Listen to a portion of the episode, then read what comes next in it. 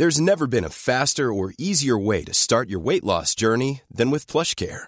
PlushCare accepts most insurance plans and gives you online access to board-certified physicians who can prescribe FDA-approved weight loss medications like Wegovy and Zepbound for those who qualify. Take charge of your health and speak with a board-certified physician about a weight loss plan that's right for you. Get started today at plushcare.com slash weight loss. That's plushcare.com slash weight loss. plushcare.com slash weight loss.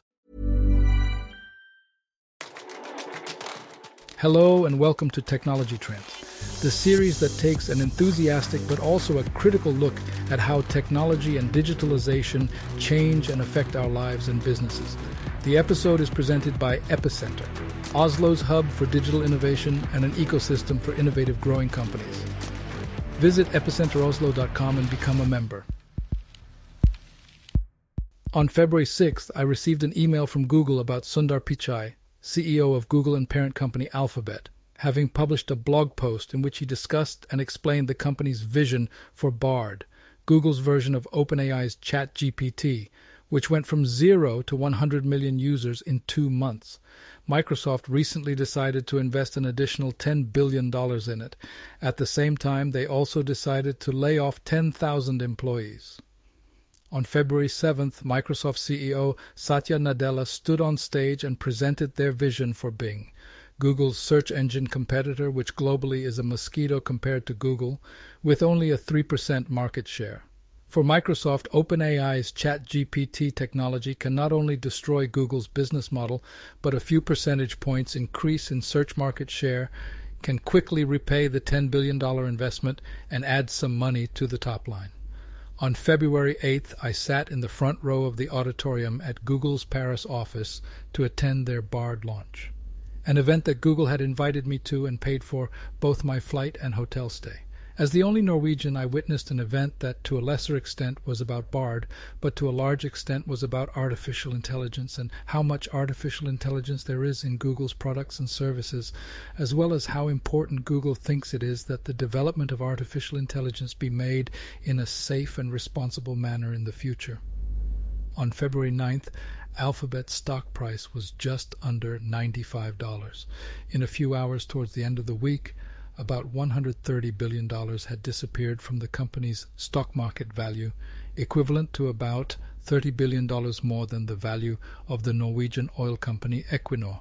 Now a stock price doesn't say too much about a company's future, as stock prices are very much driven by emotions and psychology, and are largely shaped by fear of possible short term returns. At the same time, the development can say something about the real threat that ChatGPT technology can pose to Google's business model, but also to companies and publishers, to you and me. About 8.5 billion searches are made on Google every day. With Google's market share, that would mean that we search across today's search engines about 9 billion times. Each search costs money money in the form of equipment for all computers running the searches, the infrastructure in the form of switches, routers, firewalls, cables, etc., and power to run all the data centers. Chief analyst Dylan Patel at SemiAnalysis estimates that every time you and I do a Google search, it costs Google about 0.11 Norwegian kroner. At the same time, it generates the same search about 0.16 kroner in revenue, equivalent to a lovely margin of 45%. For comparison, the Norwegian food industry has a margin of about 3 percent. With 9 billion searches every day, almost all of which go to Google, there are quite a few kroner in profit, 425 million kroner to be exact, every day, all year long. A GPT search or query requires far more data power. According to Dylan's estimates, every single request to ChatGPT will add an extra 0.03 kroner to Google's cost. In isolation, this does not sound like a particularly big problem, but 0.03 kroner multiplied by 8.5 billion times every single day becomes some kroner specifically just under 100 billion kroner in just increased costs. However, the biggest challenge for Google is not the marginal increase in costs, and as long as none of us have tested out Bard, we don't know if their approach is a more or less complex version uh, than what OpenAI is running today. And just to be clear, the Open Chat GPT solution is relatively limited, both in scope and complexity.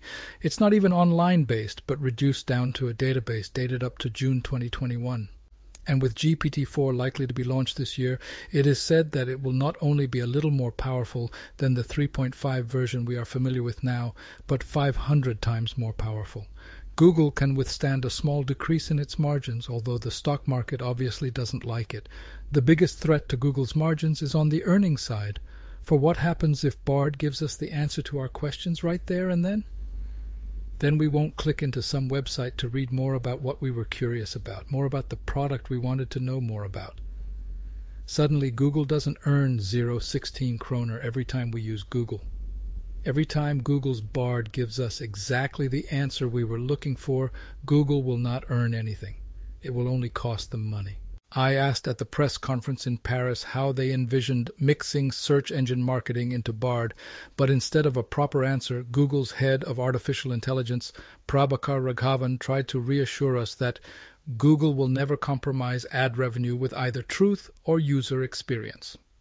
That's reassuring at least for those of us who use Google to find answers to our questions.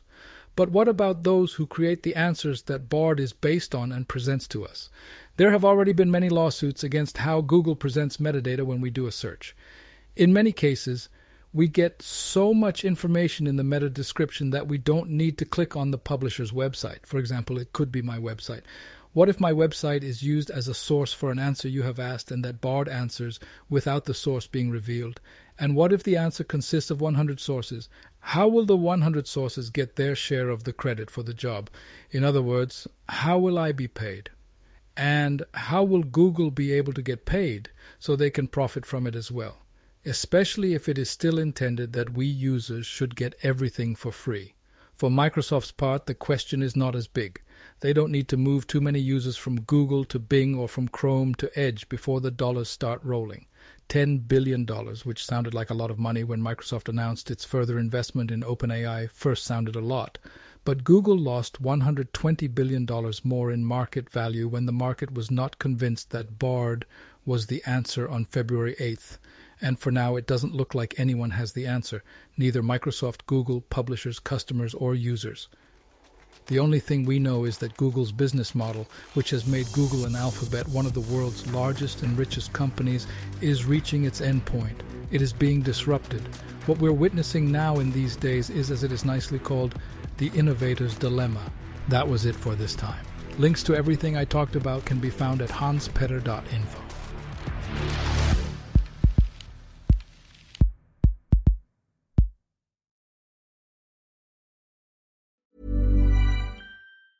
Hi, I'm Daniel, founder of Pretty Litter. Did you know cats tend to hide symptoms of sickness and pain? I learned this the hard way after losing my cat, Gingy. So I created Pretty Litter, a health monitoring litter that helps detect early signs of illness by changing colors, saving you money and potentially your cat's life. Pretty Litter is veterinarian developed, and it's the easiest way to keep tabs on your fur baby's health right at home. Go to prettylitter.com and use code ACAST for 20% off your first order and a free cat toy. Terms and conditions apply. See site for details. Even when we're on a budget, we still deserve nice things.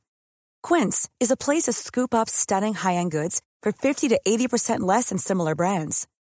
They have buttery soft cashmere sweaters starting at $50, luxurious Italian leather bags, and so much more.